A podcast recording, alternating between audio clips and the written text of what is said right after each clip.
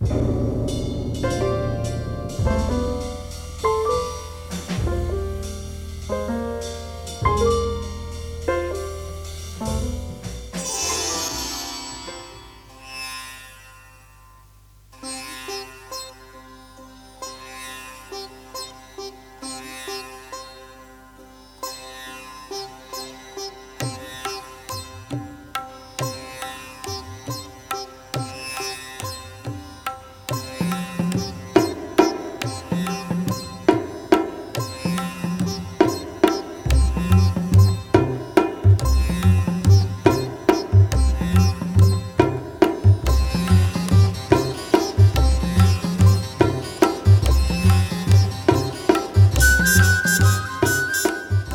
Velkommen til Jazzkonversationer. Velkommen til 6. afsnit i 4. sæson. Jeg hedder Jens Rasmussen, og er sidder Frederik Lundin, og i baggrunden der kører stadigvæk noget musik, som er noget anderledes end det, vi plejer at lytte til. I dag der skal vi tale om to øh, spændende, ret nyskabende og ret eksperimenterende albums fra midt-60'erne. Og det ene, det er det, vi har fået en lille bitte snas af. Den øh, udgivelse, som hedder Indo Jazz Suite, og øh, senere i dag, der skal vi tale om Percussion Ensemble. Hmm. Vi sidder i Hjertet København, som vi altid gør. Vi har frisk kaffe i kopperne, og vi glæder os til en samtale om øh, lidt usædvanlig musik, som vi har lidt forskelligt med, og som øh, måske kan give anledning til nogle øh, lidt videre perspektiver af, hvad jazz er, eller i hvert fald hvad jazz var her midt i 60'erne. Hmm. Så øh, Frederik, vil du øh, præsentere det første album? Det vil jeg. Øh, det er et album, som jeg, jeg oprigtigt talt ikke kendte øh, eksistensen, til, af. eksistensen af, eller kendte til, før øh, Jens præsenterede det.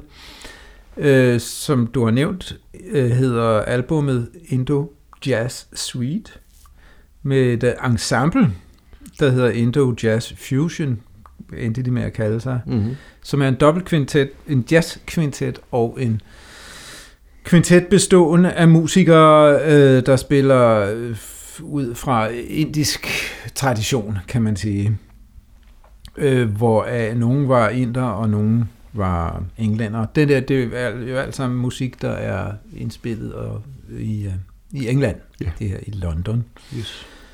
Skal vi nævne instrumenterne nu? Vi det kan, altså, jazzkvint, jazzkvintetten består så af saxofon, trompet, klaver, bas, trommer, og så øh, en øh, indisk kvintet, hvor initiativtageren til det hele øh, er komponisten og øh, violinisten, blandt meget andet øh, John Mayer, som trods navnet er indisk. Øh, en fløjtnist, der hedder Chris Taylor, og en sitarspiller, der hedder Diva, en motar, en tablaspiller, Keshav Sate, tror jeg, og en tambura-spiller, som er et slags drone strenge instrument. Ja som ligesom ligger nedenunder og ringler under meget indisk musik, som hedder Chadrahandas Payangaka.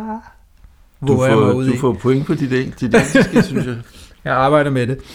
Øh, initiativtager var som sagt øh, øh, John Mayer, som øh, er født i Calcutta, og som så siden øh, flyttede til øh, Bombay og så øh, til London øh, hvor han øh, gik på Royal Academy of Music i øh, 52, står der her, hvor han studerede komposition og øh, moderne, klassisk musik, kontemporær musik. Og så øh, siden kom han til at øh, arbejde i altså som violinist i London Philharmonic Orchestra for eksempel, og Royal Philharmonic Orchestra. Mm. Så det, altså det, det vi har med at gøre her, det er jo noget musik, som kobler øh, jazzmusik med indisk musik, ja. men initiativtageren er en mand, som både arbejder inden for den klassiske musiktradition og jazzmusikken. Det er korrekt, ja. Øhm, og, og han, ja, til mit indtryk er, at han udover altså ernæret sig som virkelig dygtig klassisk øh, violinist, øh, og, øh, også virket meget som, som komponist. Mm. Blandt andet også en del filmmusik og sådan noget. Og han tog så øh, initiativ til det her øh, orkester, hvor han øh, ja, blander sin hjemlands vemodige øh, tradition med improvisation. Og det jazzsprog, som man jo får med, når man øh, inviterer jazzmusikere ind. Ja. at spille, øh, men hvor han har forsøgt at få dem til at, om man så må sige, forholde sig til, til de skalaer og den brug af skalaer, som man bruger i klassisk indisk øh, musik, ja. ragaer og sådan noget. Øh, med vekslende held, men, men øh, det kan vi jo komme ind på. Mm.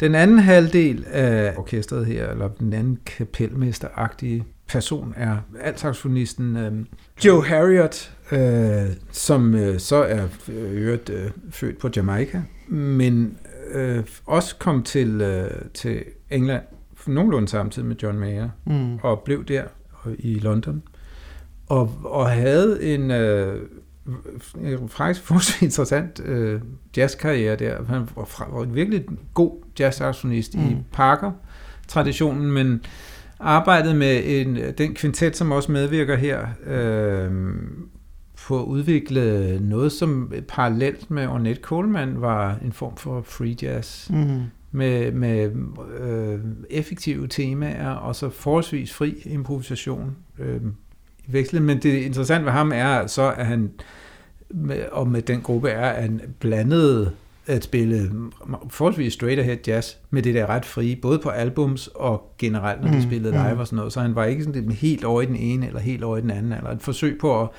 at holde på det publikum, han havde som, som mere straight ahead saxonist, har man lidt en fornemmelse af. Ja. Øhm. Godt. Det var de to hovedpersoner der. Yes. Og jo øh, kan man, en af de ting, man kan konkludere på, på hvad du siger, jo øh, et projekt, som blander virkelig mange forskellige musiktraditioner og ja. øh, musikambitioner, kunne man måske sige. Ja.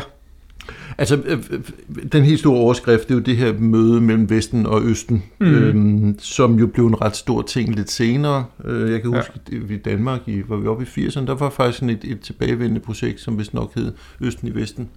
Ja. Per Dørve og ja. Bo Holten og sådan nogle tog tilbage og spille med nogle musikere. Ja. De balinesiske musikere kom tilbage, og de lavede noget sammen med nogen, der hed Billestof Teater, kan jeg huske, som lavede mm. sådan nogle eksperimenterende teaterstykker sammen med den her musik, som blander Bali og andre steder i Østen med Vesten. Jeg skal lige sige undskyld, for det fik jeg jo ikke sagt i starten her, men, men det her album er fra 1966, det ja. som vi skal tale om. Yes. Lige nu taler om, øh, hvad der foregik i 80'erne i, Ja, det var, det var et ja. tidsspring. Yes. Øh, men det her med interessen for indisk musik kom til at fylde ret meget i slut 60'erne, så meget desto mere forstærket hele hippiebevægelsens øh, begejstring for samme, mm. men var jo noget, der var i gang allerede. Øh, og vi har et enormt interessant eksempel med John Coltrane, som i 1961 spillede nogle øh, spændende koncerter på Village Vanguard i New York, som blev optaget og udgivet på forskellige vis. Der er vel kommet nogle, nogle Complete Village Vanguard ja. 1961 øh, haløjse.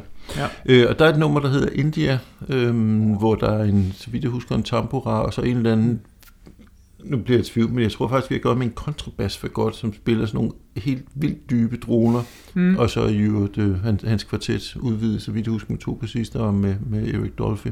Ja. Og et par andre numre, hvor han inddrager nogle af de her instrumenter. Ja. Det er ikke fordi Coltrane ellers sådan en musiker, der er kendt for, for indisk inspiration, sådan mm. direkte i hans musik, men det er jo ligesom en del af, af hans sådan musikalske univers. Ja. Og hans hustru Alice Coltrane, som han jo øh, havde i sin gruppe fra øh, starten af 66, så vidt jeg husker, spillede jo meget indisk inspireret musik efter hans død. Mm. Og det gjorde hun blandt andet sammen med Pharoah Sanders, tenorsaxofonisten, som havde spillet med Coltrane tidligere, og som også havde interesser, som musikalt set gik i retning af Indien. Og når jeg siger musikalsk, så er det jo også sådan, det handler også om spirituel inspiration og begejstring for østlig tænkning og, ja. og religion og sådan nogle ting. Uh, Beatles skal vi nævne, mm. som nogen, der jo uh, tog uh, indisk tænkning og Især indiske klange. Under George til Harrison, ikke, som var ret begejstret for Ravi Shankars yeah. sitarspil og gik til, fik undervisning hos ham. Præcis. Og jo brugte det allerede på Revolver, som hvis det er fra ja. 66, hvis ja. jeg kan huske helt jo, det er ja. Øhm, og når vi så kommer op i 70'erne, så er der jo sådan en figur som John McLaughlin, mm. som i første omgang jo havde indisk inspiration i, i det, den gruppe, han havde, der hed øh, Mahavishnu Orchestra. Mm. Selve navnet siger ja. noget om, om øh, den der forbindelse. Mm. Og allerede midt i 70'erne tror jeg, han var med til at lave den gruppe, der hed Shakti, som var ham og fire indiske musikere. Mm. Øhm, på ECM er der faktisk også eksempler på det her. Der er en amerikansk sitarspiller, som hed Colin Walcott, ja. som lavede i hvert fald en ret god plade med det, der så, når de var alene, hed Gateway, nemlig uh, tromslæren uh, Jack Jonetts og bassisten Dave Holland og guitaristen John Abercrombie. Ja. Og så altså uh, sitar-spilleren Colin Walcott. Helt, og hørt percussion spiller også. Og... Ja, yes, ja. Så, så det vi har med at gøre her er jo et tidligt eksempel på noget, der blev en ret stærk trend i slutningen af 60'erne og op i 70'erne. Mm. Og som jo i en eller anden forstand lever den dag i dag, men ja. som havde sin, sin, øh, sin storhedstid der, ja. slut 60'erne, start 70'erne, tænker jeg. Og som en lille krølle på det, altså når vi er i USA, så tror jeg i meget høj grad, at det her, det knyttet op på de der strømninger, som kulminerede med hippiebevægelsen, altså interessen for den alternative tænkning, ja. den indiske religion og sådan nogle ting.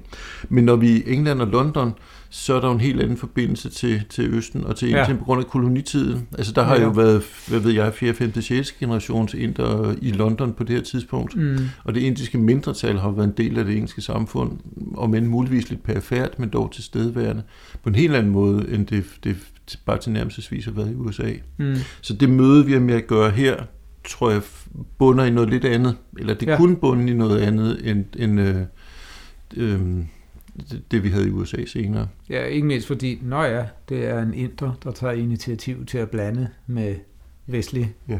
musik, hvor øh, det i alle de andre tilfælde har været vesterlændingen, der er taget til Indien for ja, at låne. Ikke? præcis.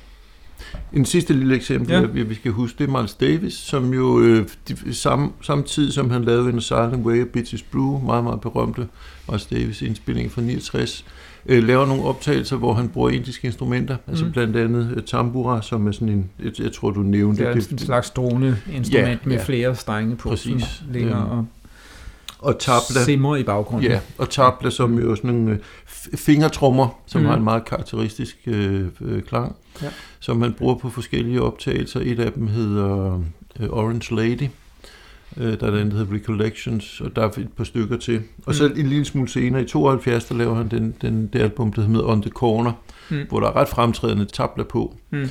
Og det, det, den, den gruppe, han, han øh, turnerer med i 72-73, øh, er også med, med nogle indiske instrumenter, sammen med en masse elektriske guitarer og sådan noget.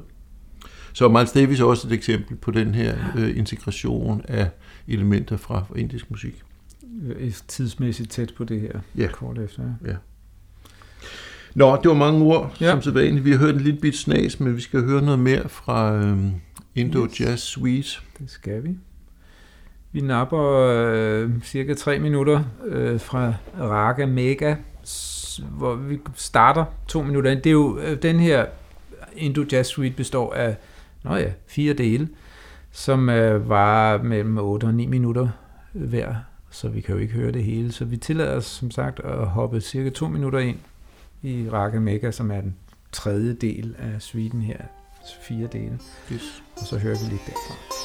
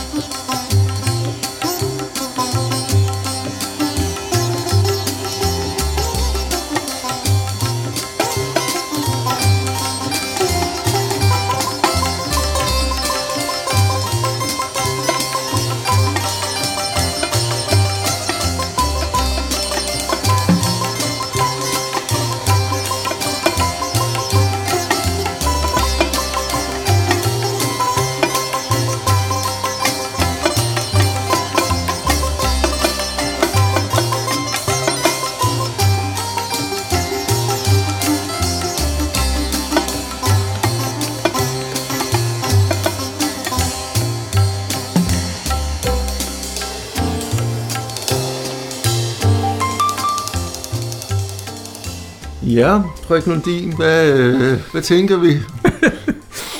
det er... Um, yeah. Jeg vil sige, det, der er elementer af øh, kolossal kornighed i, i, øh, i musikken her. Um, jeg, jeg synes, de, jeg har det lidt sådan, jeg, nu har jeg jo hørt det her igennem flere gange. Jeg kommer aldrig til at elske det, det må jeg nok sige. Øh, fordi det, det forekommer mig, at der indgås for mange kompromiser for ligesom at få de her to verdener til at mødes. Så, så det indiske og det, som jo er rytmisk langt mere avanceret end, mm. end meget jazz, øh, er nødt til at være utrolig simpel og primitiv for ligesom at møde jazzmusikerne, og der er også noget med de der skalaer der, som jo, det bliver jo ikke rigtig overholdt. Øh, så det, men indimellem får det liv, som synes jeg, når for eksempel øh, John Hyatt her tager, øh, tager fat ja. øh, og bare skider på det og spiller sin Trykker eksplosive øh, øh, bebop, moderne bebop alt henover, ikke? Mm. Øh, og der vi kom for også øh, i, i andet øh, lydeksempel at høre noget Kenny Wheeler. Hvor trompetist, som vi er meget glade for begge ja, to. som er kanadisk, men boede, altså flyttet til London ja. for, og havde, var en af, af de er helt fremme i skoene øh, i, den, i den moderne engelske, britiske jazz. Ja. Øh, så så øh, point for at, at prøve for ideen, ikke? men jeg synes point, det, det, for mig er det for, for ja, nærmest primitivt. Ja. Men jeg kan godt lide ideen om at forsøge øh, at få tingene til at mødes på den der måde. Ikke? Mm. Men det er, det er også lidt noget at gøre med, når de så improviserer de indiske musikere, så bliver det også meget taktfast på en eller anden måde. Mm. Ikke? På en måde, som man ikke synes jeg ellers er vant til at høre dem spille. Nej. Netop fordi de er nødt til at følges med de gumpetunge jazzmusikere. ja. Altså, jeg kan jo være enig med meget af det, du siger, og, og jeg vil også sige, at kvaliteten er, er svingende på den her plade. Der, jeg, synes, der er, jeg synes, der er nogle virkelig fine ting imellem. Øhm, og så er der også noget, der er mindre vellykket, og det begyndelsen af det, vi hørte her, er vi jo enige om, er noget til den kornige side. og altså det her med, at der skal indgås mange kompromiser, når man prøver at blande nogle genrer, er jo noget, som man oplever indimellem. Ja. Altså en, en helt anden diskussion, som vi kan tage med musikeksempler en anden dag, handler jo om at prøve at, at forene den klassiske musiktradition med jazztraditionen. Nemlig. Og der er gud døde med også mange eksempler på, at nogen har prøvet, uden at der er kommet voldsomt god musik ud af det, fordi ja. det simpelthen er forskelligt, for forskellige ting, man prøver at blande. Man synes jo, at, at mulighederne måtte være uendelige, men det er vidderligt svært, fordi ja. det vidderligt handler om, at ja, som når man som dansker skal udtrykke sig på engelsk, det bliver kluntet, mindre man er, har, altså er ganske særlig dygtig, kan man mm. sige. Det bliver, og det bliver aldrig det samme, som at udtrykke sig på sit eget sprog. Når man så forsøger at møde, så taler alle lidt klumpedumpe så, sprog, så, så det vi har med at gøre her, det er en dansk og en fransk, som mødes og taler yeah. sammen, er det det, du tænker? Lidt, ja.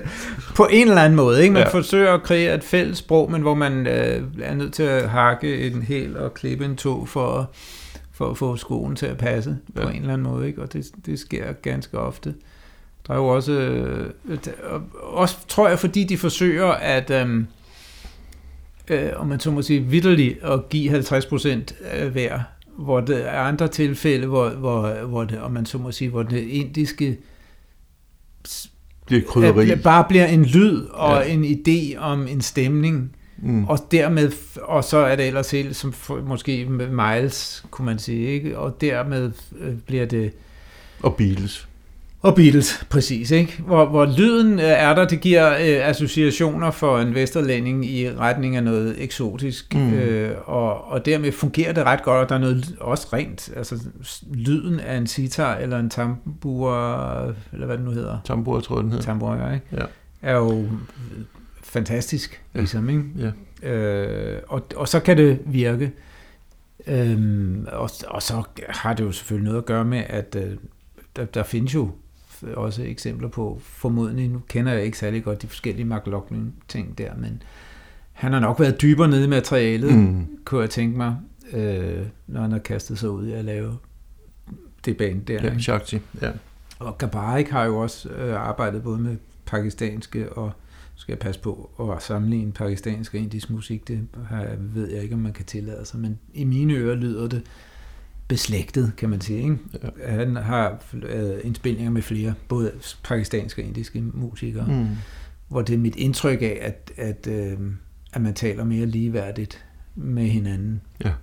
Og så har vi også øh, danske Lars Møller, saxofonisten Lars Møller, orkesterlederen, som øh, er været dybt nede i indisk musik. Ja, du fortalte mig lige før, ja. vi tændte mikrofonerne, at netop nu er på turné med Jonas Johansen og Thor Madsen og ja, nogle indiske netop. musikere ja. i Indien. Ja, præcis. Øhm, når vi mm. kommer op i vores der danske musikere, så kan vi også nævne øh, Ole Tejl, uh, ja. fremragende tromslager, som jo er blevet virkelig god til at spille tabler for mange år siden, ja. og blandt andet har gjort det i duo med, med Mikkel Nordsø. Ja.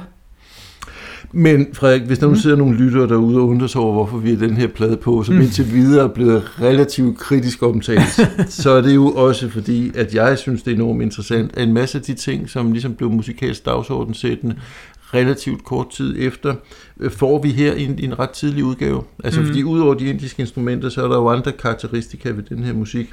For eksempel den modal, det vil sige, at vi har ikke akkordskift, eller ja. vi har i hvert fald lange passager uden akkordskift, men hvor det hele foregår i en skala.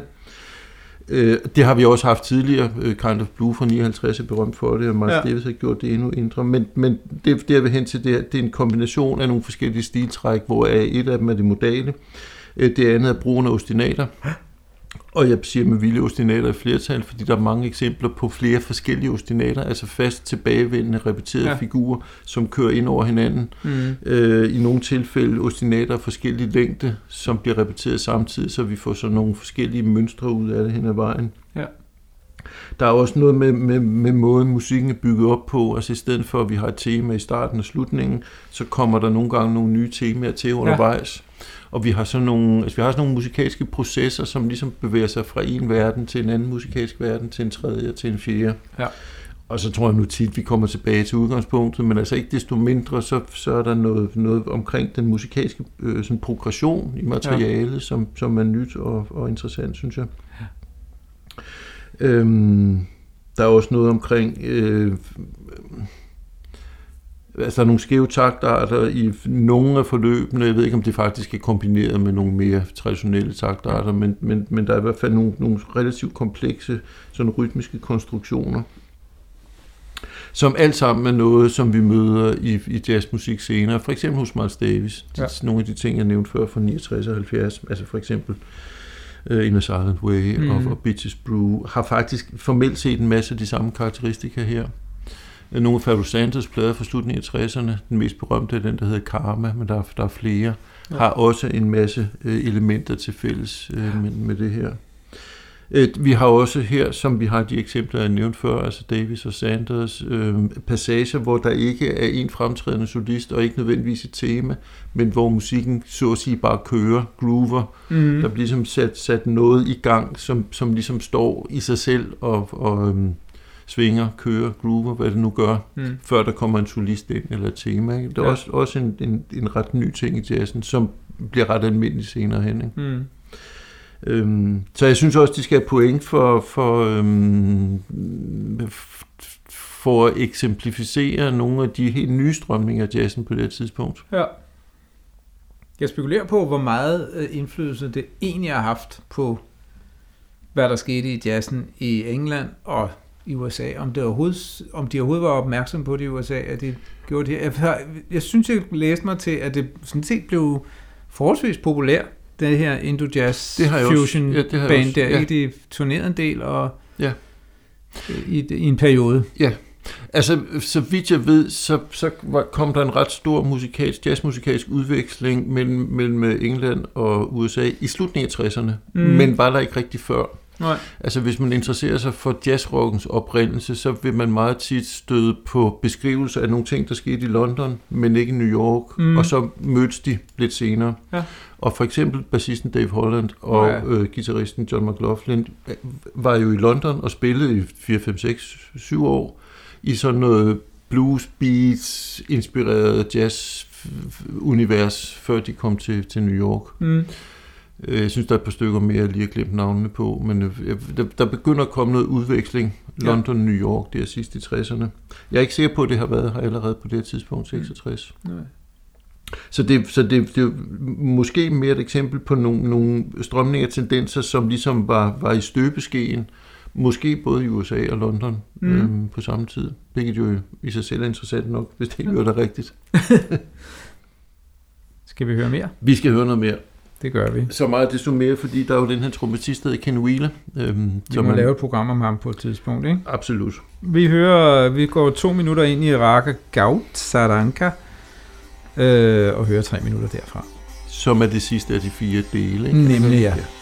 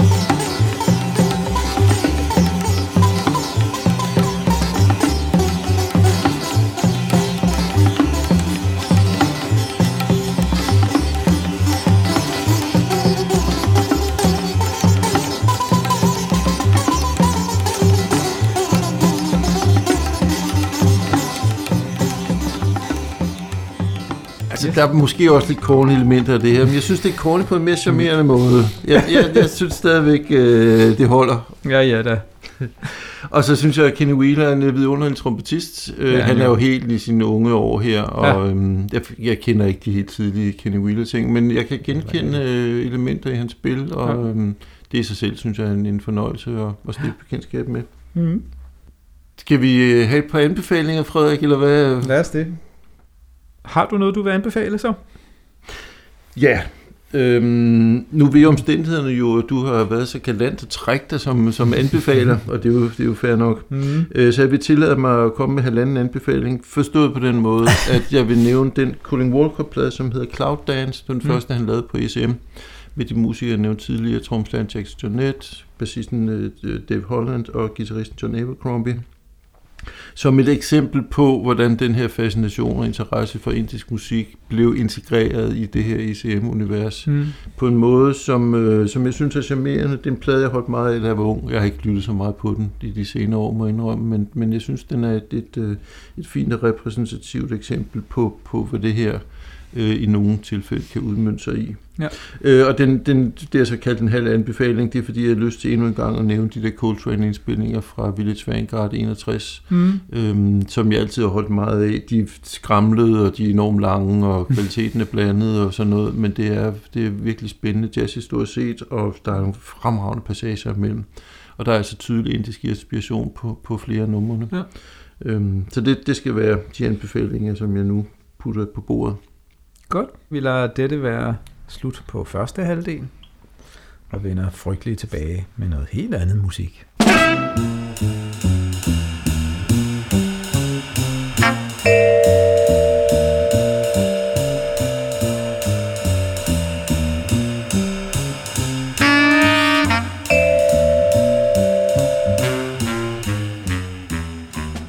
Så skal vi øh, lytte til percussion-musik. Det skal Ingen vi. toner eller noget som helst. Og dog, nogle toner er der jo, men... Øh, Nå ja, så skidt da. Ja. Øh, ja, det skal vi. Øh, Percussion Ensemble, en duo med Milford Graves og Sonny Morgan.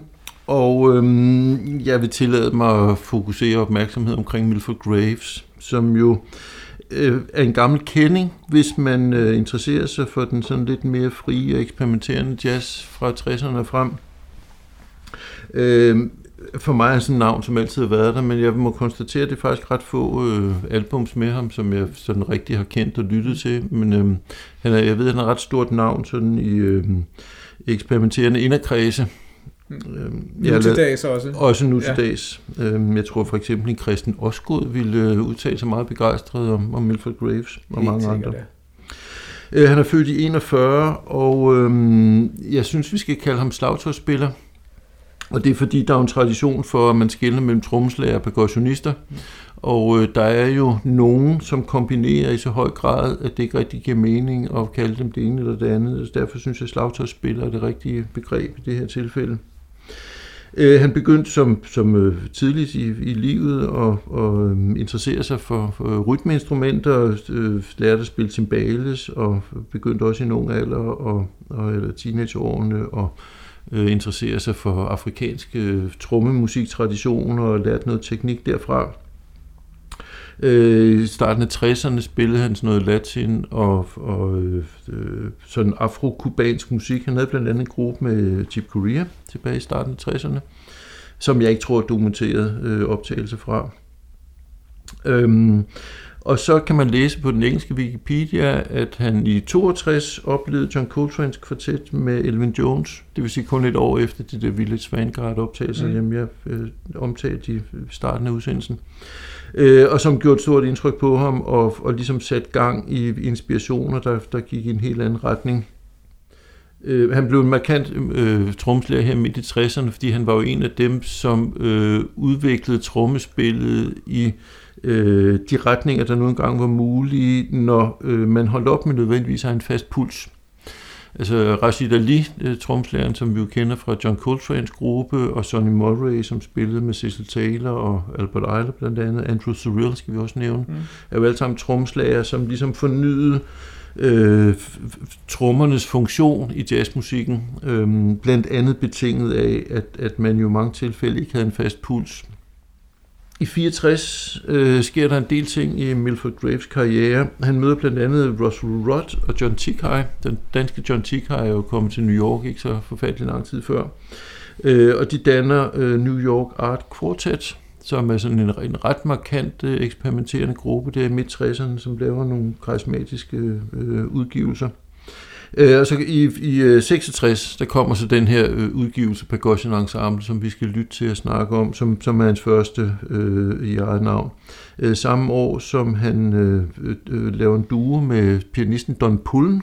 Øh, der, der er nogle optagelser fra Yale University, som er øh, ret markante og jo bemærkelsesværdige ved kombinationen klaver-trommer. Han medvirker også på en Albert Eiler-plade, som vi har talt om i en tidligere øh, jazzkonversation. Den hedder Love Cry.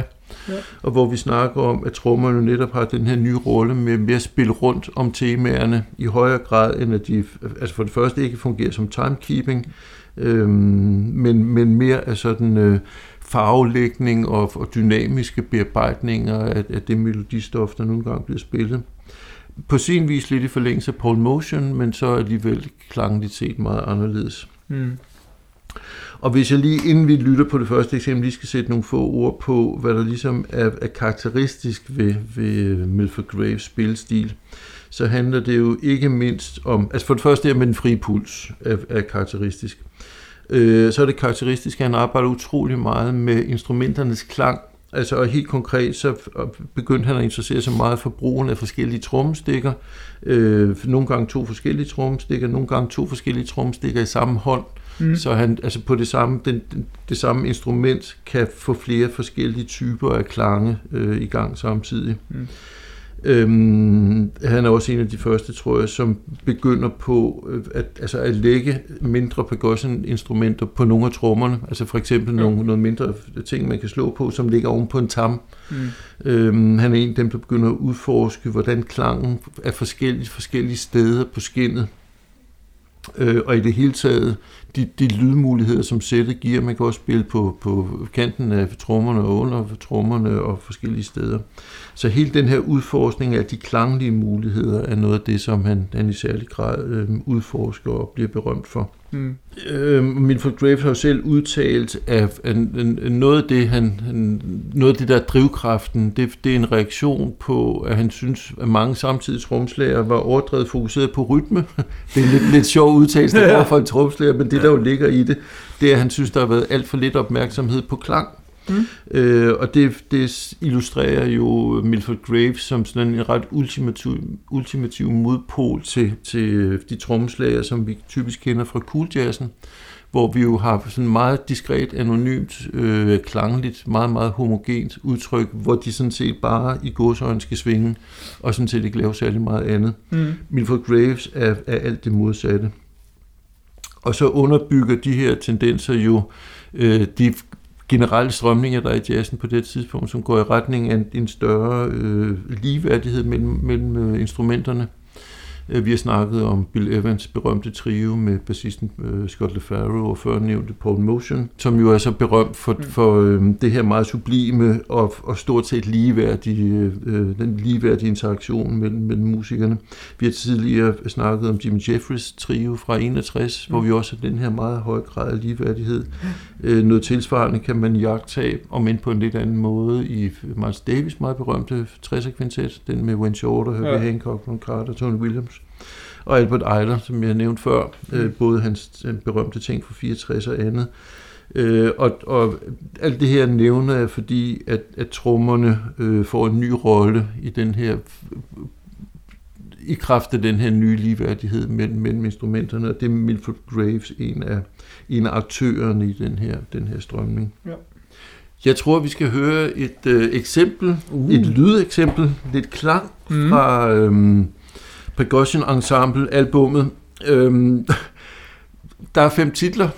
Øh, der er et nummer, der hedder Nothing. Det er track 4, så vidt jeg husker. Mm. Og så er der, ja, Frederik, det er dig, der sidder med dem. Hvad hedder de fire tracks? Øh, den første hedder Nothing 5, 7. Den anden hedder Nothing 11, 10. Tredje hedder Nothing 19. Fjerde hedder Nothing. Femte hedder Nothing 13.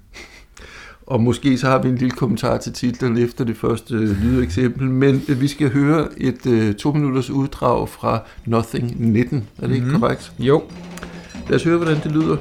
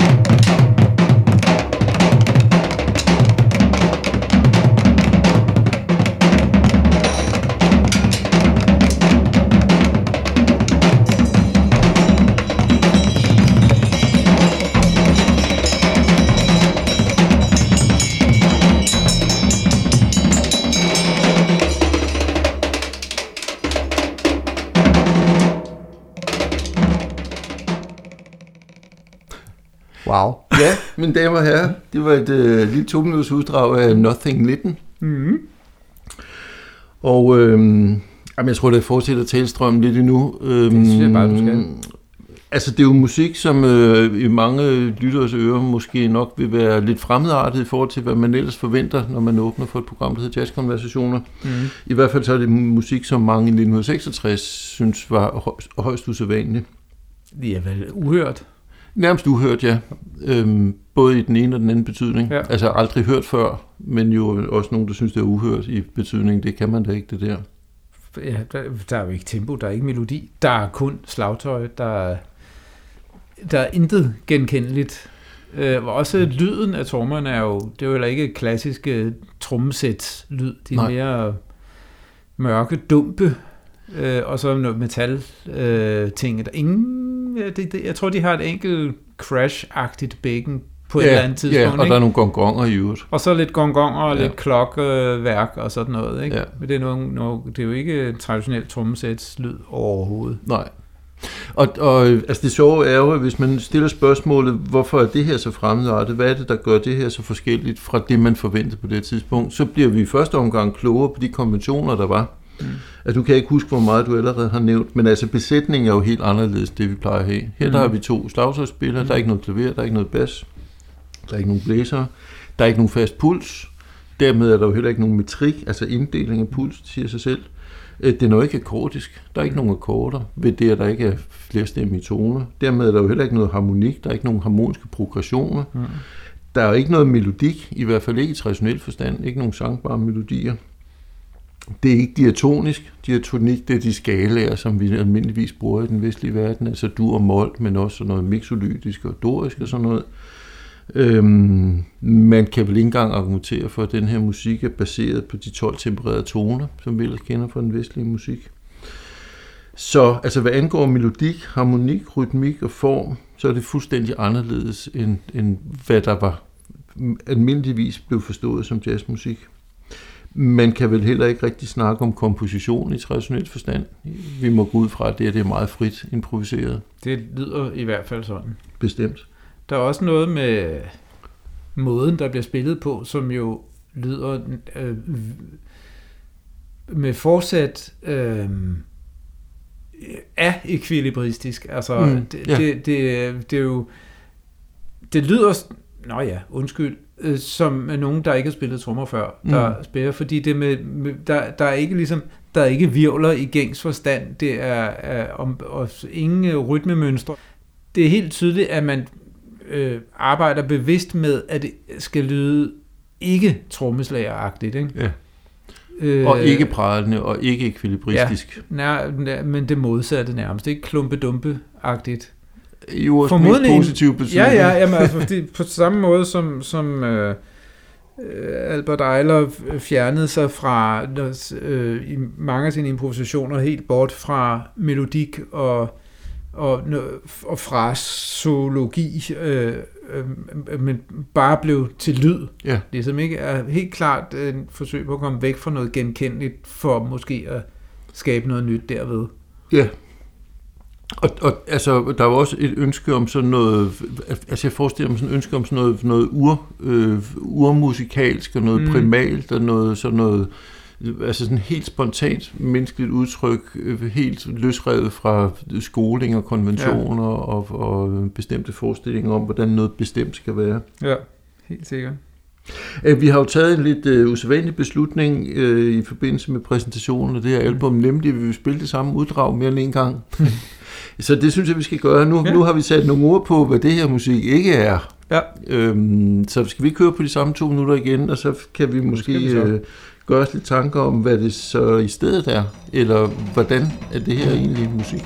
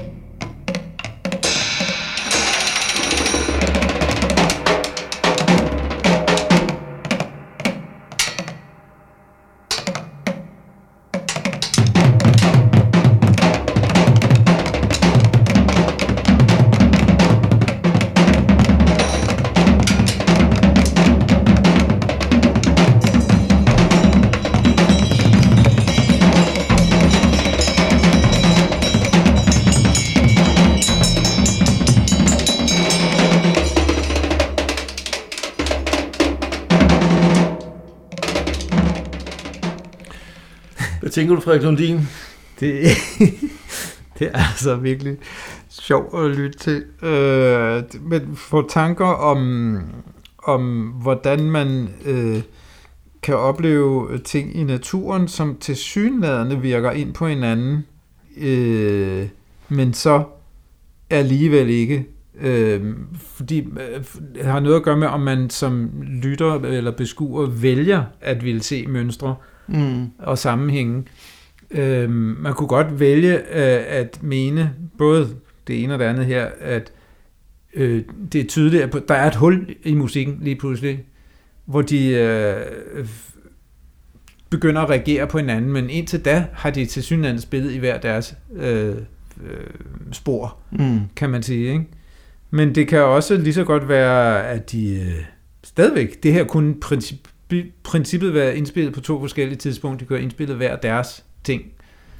Øhm, og så og bare valgt, lagt oven i hinanden. Og så lagt oven i hinanden, ikke? og valgt at øh, ikke tage hensyn til hinanden. Mm. Det, det er en musik, hvor, som er, er så åben, at man kan vælge at lægge hvad som helst i det.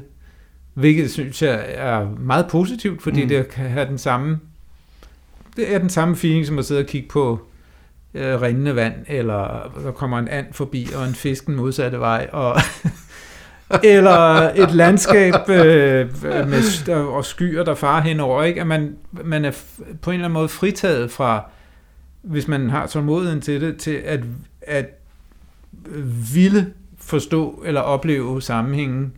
Man kan også bare lade det gå igennem, så mm. musikken ligesom strømme igennem sig øh, og afsætte det, den vil. Øh, sedimenter, hvor det nu måtte afsætte sig. Ja. Øh, og så kan man hoppe på og af, som man nu vil. Ikke? Mm. Så jeg er selv en, en musik øh, nyder og yder, som, øh, som går meget op i, øh, at der skal være mening og sammenhæng, og øh, man må ikke spille noget, som ikke på en eller anden måde har en betydning og sådan noget. Det her er en anden type musik mm. i mine ører. Altså, du har jo som ikke er negativt, nej, men nej. bare, at det er bare en anden musik. Ja. Det er ikke en musik, jeg normalt vil sætte mig ned og lytte til. Nej. Men... Altså, du har jo indlysende ret i, at man kan lytte til det på mange måder, og, og sikkert mere end to. Et, altså, det der med, at det kunne være optaget hver for sig og klippet sammen, det, der, der er jeg simpelthen elementært uenig. Jeg, jeg synes, det er meget tydeligt at høre, at der er en helt konkret interaktion mellem dem, og at de lytter til hinanden og forholder sig til hinanden. Og, og den passage, vi lytter her, bliver jo, der er jo en, en sådan lidt svagere, der, der er en passage med mindre aktivitet, mm. lavere dynamisk niveau, hvor jeg synes, det er meget tydeligt, at det altså for næsten association til en samtale, faktisk. Mm. Øhm, og så er der steder, hvor de altså tydeligvis lægger forskellige lag oven hinanden, altså, og de, dermed så at sige spiller imod hinanden med, med den musikalske effekt, det nu engang giver. Mm. Øhm, så interaktionen mellem musikeren, synes jeg, er en af de ting, man, man skal fremhæve, hvis man spørger, hvordan, hvordan det her bliver, bliver til musik. Mm, måske. Øhm, det, du har ret til dit synspunkt. jeg hører, hvad du siger. jeg hører, hvad du siger. Ja. Det er det mest irriterende statement overhovedet. Yes. Øh, og så er klang jo tydeligvis en, en faktor her. Øhm, de interesserer mm. sig meget for, hvilke lyde de kan lave på de ja. her ting, de nu engang slår, og de ting, de slår med. Der er mange passager, hvor jeg, hvor jeg meget har oplevelsen af, at lyden stikker, og det er jo mm. objektivt set noget vrøvl, fordi en, stik, en stik lyder jo først af noget, når den bliver slået mod et eller andet ja. andet. Øhm, men, men brugen af forskellige stikker og køller øh, er jo en del af, af, af ja, det musikalske udtryk. Ja. Øh, så er der jo dynamik. Altså nu sagde vi før, at der ikke er harmonik og puls og metrik og diatonik og alt det her løjser. Men der er jo dynamik, altså forskel på svag og kraftig og alt det midt imellem. Mm. Både i sådan nogle dynamiske bølger. Den mm. passage, vi hører her, starter ret kraftig og bliver så svag en passage og bliver så kraftig og kraftigere. Ja. Men der er jo også dynamik på sådan en mikroniveau, altså kraftige slag, mindre kraftige slag i, i øh, sådan en musikalsk interaktion med hinanden. Og så selvfølgelig afveksling i øh, begivenhedstæthed, kan ja. man også sige. Ikke? Ja, bestemt. Mange ting rrr, til ingenting overhovedet ja. i et kort øjeblik. Ja, mange forskellige lyde det mm. ene øjeblik, få slags lyde på, ja. på det andet øjeblik. Altså nu snakkede vi om før om det her sådan bevidst uprangende, uekvilibristiske. Øhm, der er passager her, hvor jeg sidder og undrer mig lidt over, at der kun er fire hænder i spil. Altså, så det, altså det er virkelig dygtige musikere, vi har med. Altså i hvert fald Milford Graves blev, var virkelig teknisk øh, øh, på, på et højt niveau. Ja, men det er heller ikke, fordi jeg tror, at de ikke kan. Jeg tror netop, det er et meget øh, bevidst valg at ligesom spille u- uteknisk, ja. så at sige, ikke? For, ja. for, for at skabe andre associationer. Kom ja. bort fra, eller rettere kom bort fra, hvad der måtte associere til noget velkendt musikalsk ja. øh, sprog. Ja. Og det, altså, det, er jo, det er jo et velkendt kunstnerisk trick at sige, nu, nu forbyder jeg også eller mig selv at gøre det, vi plejer, med henblik på at, at finde noget nyt. Ja. Altså helt uden øh, realistisk sammenligning, men mm. dogmebevægelsen inden for, for film, der, var det 80'erne, ja. de kom frem, ikke? Det, mm. det var jo også et, et, et eksempel på, nu der er det simpelthen nogle ting, vi plejer at gøre, som vi ikke må gøre. Ja. Fordi det åbner kreativ mulighed for, at vi så gør noget tredje. Jeg har selv arbejdet meget med et uh, improviserende ensemble, Hasse Poulsens Sound of Choice, hvor vi netop i en lang periode uh, udelukkende øvede for at uh, lære os at uh, eller på en eller anden måde prøve at skabe et fællessprog, som ikke øh, hele tiden faldt i de sædvanlige øh, fælder, kan man sige. Mm. Og der havde vi perioder, hvor vi så øvede en best, øh, havde en bestemt disciplin, som hed for eksempel øh, ingen, intet. Der, vi måtte ikke lave noget, der på nogen måde kunne tolkes melodisk. Okay. Øh, og så havde vi en periode, hvor, vi, hvor det, vi ikke måtte gå i tempo og så fokuserede vi på specifikke øhm, parametre, som netop begivenhedstæthed, eller øh, det kunne også bare være stærkt, eller svagt, eller hurtigt, eller langsomt, ja. øh, og der var også en periode, hvor vi prøvede at finde, se, hvor længe vi kunne spille så kraftigt og hurtigt, som vi overhovedet kunne, til vi alle sammen tabsvedte og havde ondt i hele kroppen. og den slags, altså alt sådan noget, hvor man ligesom fokuserede på andre end de sædvanlige par musikalske parametre, eller også isoleret et enkelt parameter, og så hvad man, hvad man kunne med det. Ja. Som var, var vældig interessant for, for mig som musiker, og også som som orkester, og det er jo helt klart en del af den proces, de allerede der har været i fuld gang med at undersøge, hvad, ja. man, hvad man kunne ja. med musik også. Ikke? Ja.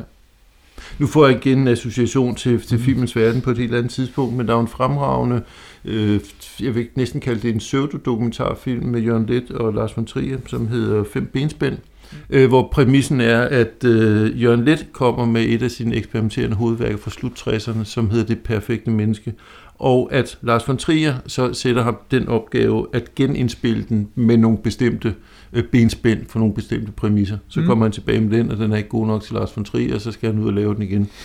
øhm, charmerende, interessant, øh, begavet øh, øh, sag som selvfølgelig er meget langt sådan æstetisk set fra Milford Grace, men som igen har at gøre med det her med bevidst at bryde konventioner for at, at give kreativ, øh, åbne kreative muligheder for noget nyt.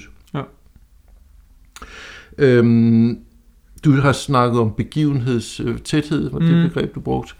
Øh, og det, jeg oplever det næsten som om, at der er sådan en skift i tempi, hvilket jo er en lidt pussy ting, når det er næsten helt vejen igennem er helt uden fast puls. Men mm. man kan alligevel have en fornemmelse af, at tempoet stiger, fordi intensiteten og, og begivenhedstætheden stiger. Ikke? Mm. Øh, grad af aktivitet, kunne man også kalde det. Og så er der jo, altså hvis man lytter det her værk igennem, så er der jo nogle, der er nogle forskellige stemninger, nogle forskellige klangrum, som jo på en eller anden måde sætter en anden i relief. Altså ikke sådan klar form, som, som vi ellers oplever det i jazz, men jo dog nogle forskellige afsnit, som har nogle forskellige karakterer, og dermed ligesom kaster noget, noget oplevelsen på det andet. Mm. Øhm. Jeg synes, det øvrigt kom jeg lige i tanke om, apropos at tale om rum, øh, at det er heller ikke uvæsentligt, at det er optaget helt råt. Altså, der mm. man kan høre det rum, de står i. Der er ikke rumklang på. Som, altså, havde det her været ECM, så havde det været badet i gigantisk rumklang. Mm. Her står de i et fuldstændig løddødt rum, og man hører det, der bliver spillet på. Man kan ja. se de to mennesker stå og svede over deres trommer der. Ikke? Ja. Det er ikke uvæsentligt heller. Nej. Og så synes, jeg også, synes jeg også, det er væsentligt øh, klangkvaliteten i trommerne, som er den er i hvert fald behagelig. Altså, den er rund og ret tør, og der er ikke, de, de resonerer ikke særlig meget, trommerne. Der er ikke nogen, der står og synger længe. Mm, rigtigt. Øh, og det samme gælder øh, metalobjekterne, at de ikke, bortset fra en enkelt, som jeg vist nævnte, crash bækken eller mm. gong, eller hvad det nu er, øh, som de er glade for på et tidspunkt, og slår en hel masse til. Så er der ikke ret meget, så er der ikke noget, der klinger længe. Nej. Det vil sige, det er, det er forholdsvis nemt at høre på. Havde det været en havde det været Elvin Jones, der var gået amok på sit trommesæt, så havde, var man blevet træt i hovedet på et tidspunkt, fordi at, at det hele står og ja. larmer og klinger og gør ved øh, i lang tid.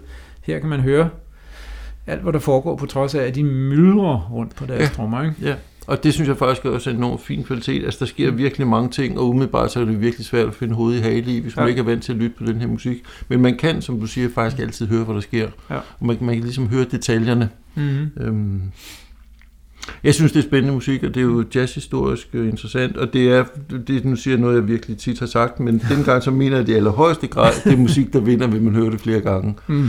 Øh, og jeg kan faktisk anbefale, som vi gør her, at, at tage en, en, en mindre passage, måske et track, og lytte mm. på flere gange. Ja. Øhm, fordi ellers så kan det være svært at orientere sig, øhm, må vi jo medgive. så for at illustrere den pointe yderligere, så synes jeg, vi skal høre vores uddrag en tredje gang, Frederik. Okay, så siger vi det. Det kommer her.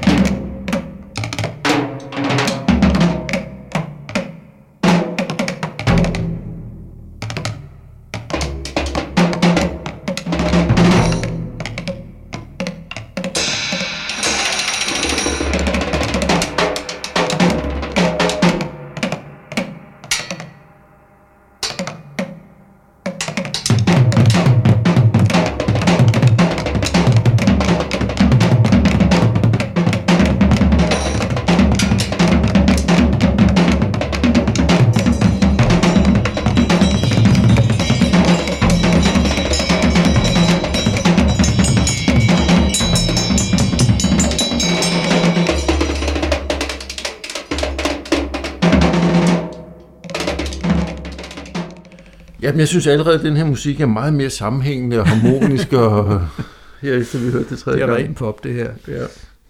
Ja, en, ting, ja, en ting, vi ikke nævnte, som jeg synes er meget karakteristisk, det er en kombination af, hvad man kunne kalde stort og småt rent klangligt, altså mm. dybe øh, øh, tamtam, eller hvad det nu er, med ret mm. meget lyd i, ja. og så sådan nogle altså små, tynde lyde, øh, stikker ja. på, på siden af en tromme eller et eller andet, øh, er også noget, som, som, de, som de dyrker her. Mm.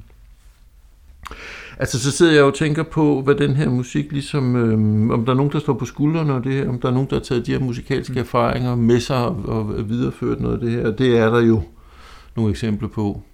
Øh, det mest oplagte for mig at nævne er jo Art Sound of Chicago, som er et enormt spændende band, som vi på et tidspunkt skal snakke mere om, mm.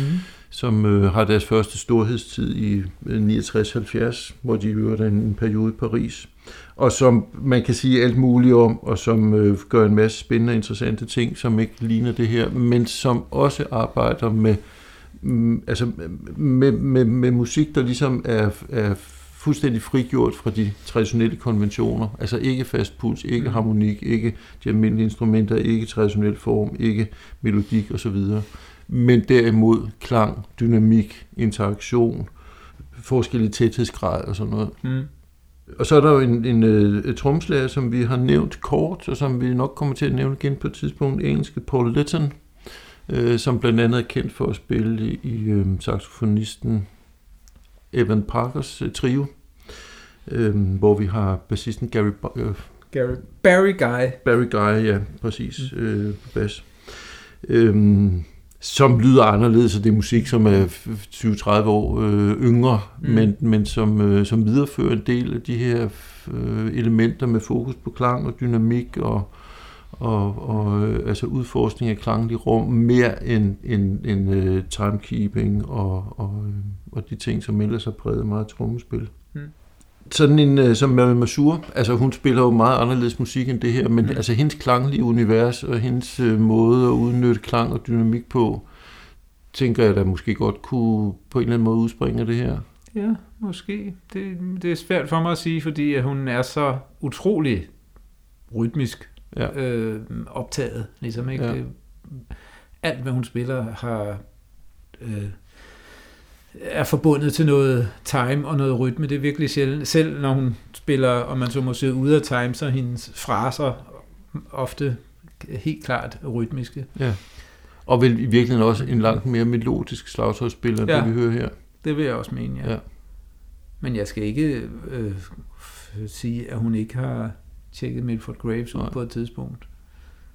Jeg håber, at mit stille sind, uh, Marilyn, hun har nogle gode tanker om Milford Graves.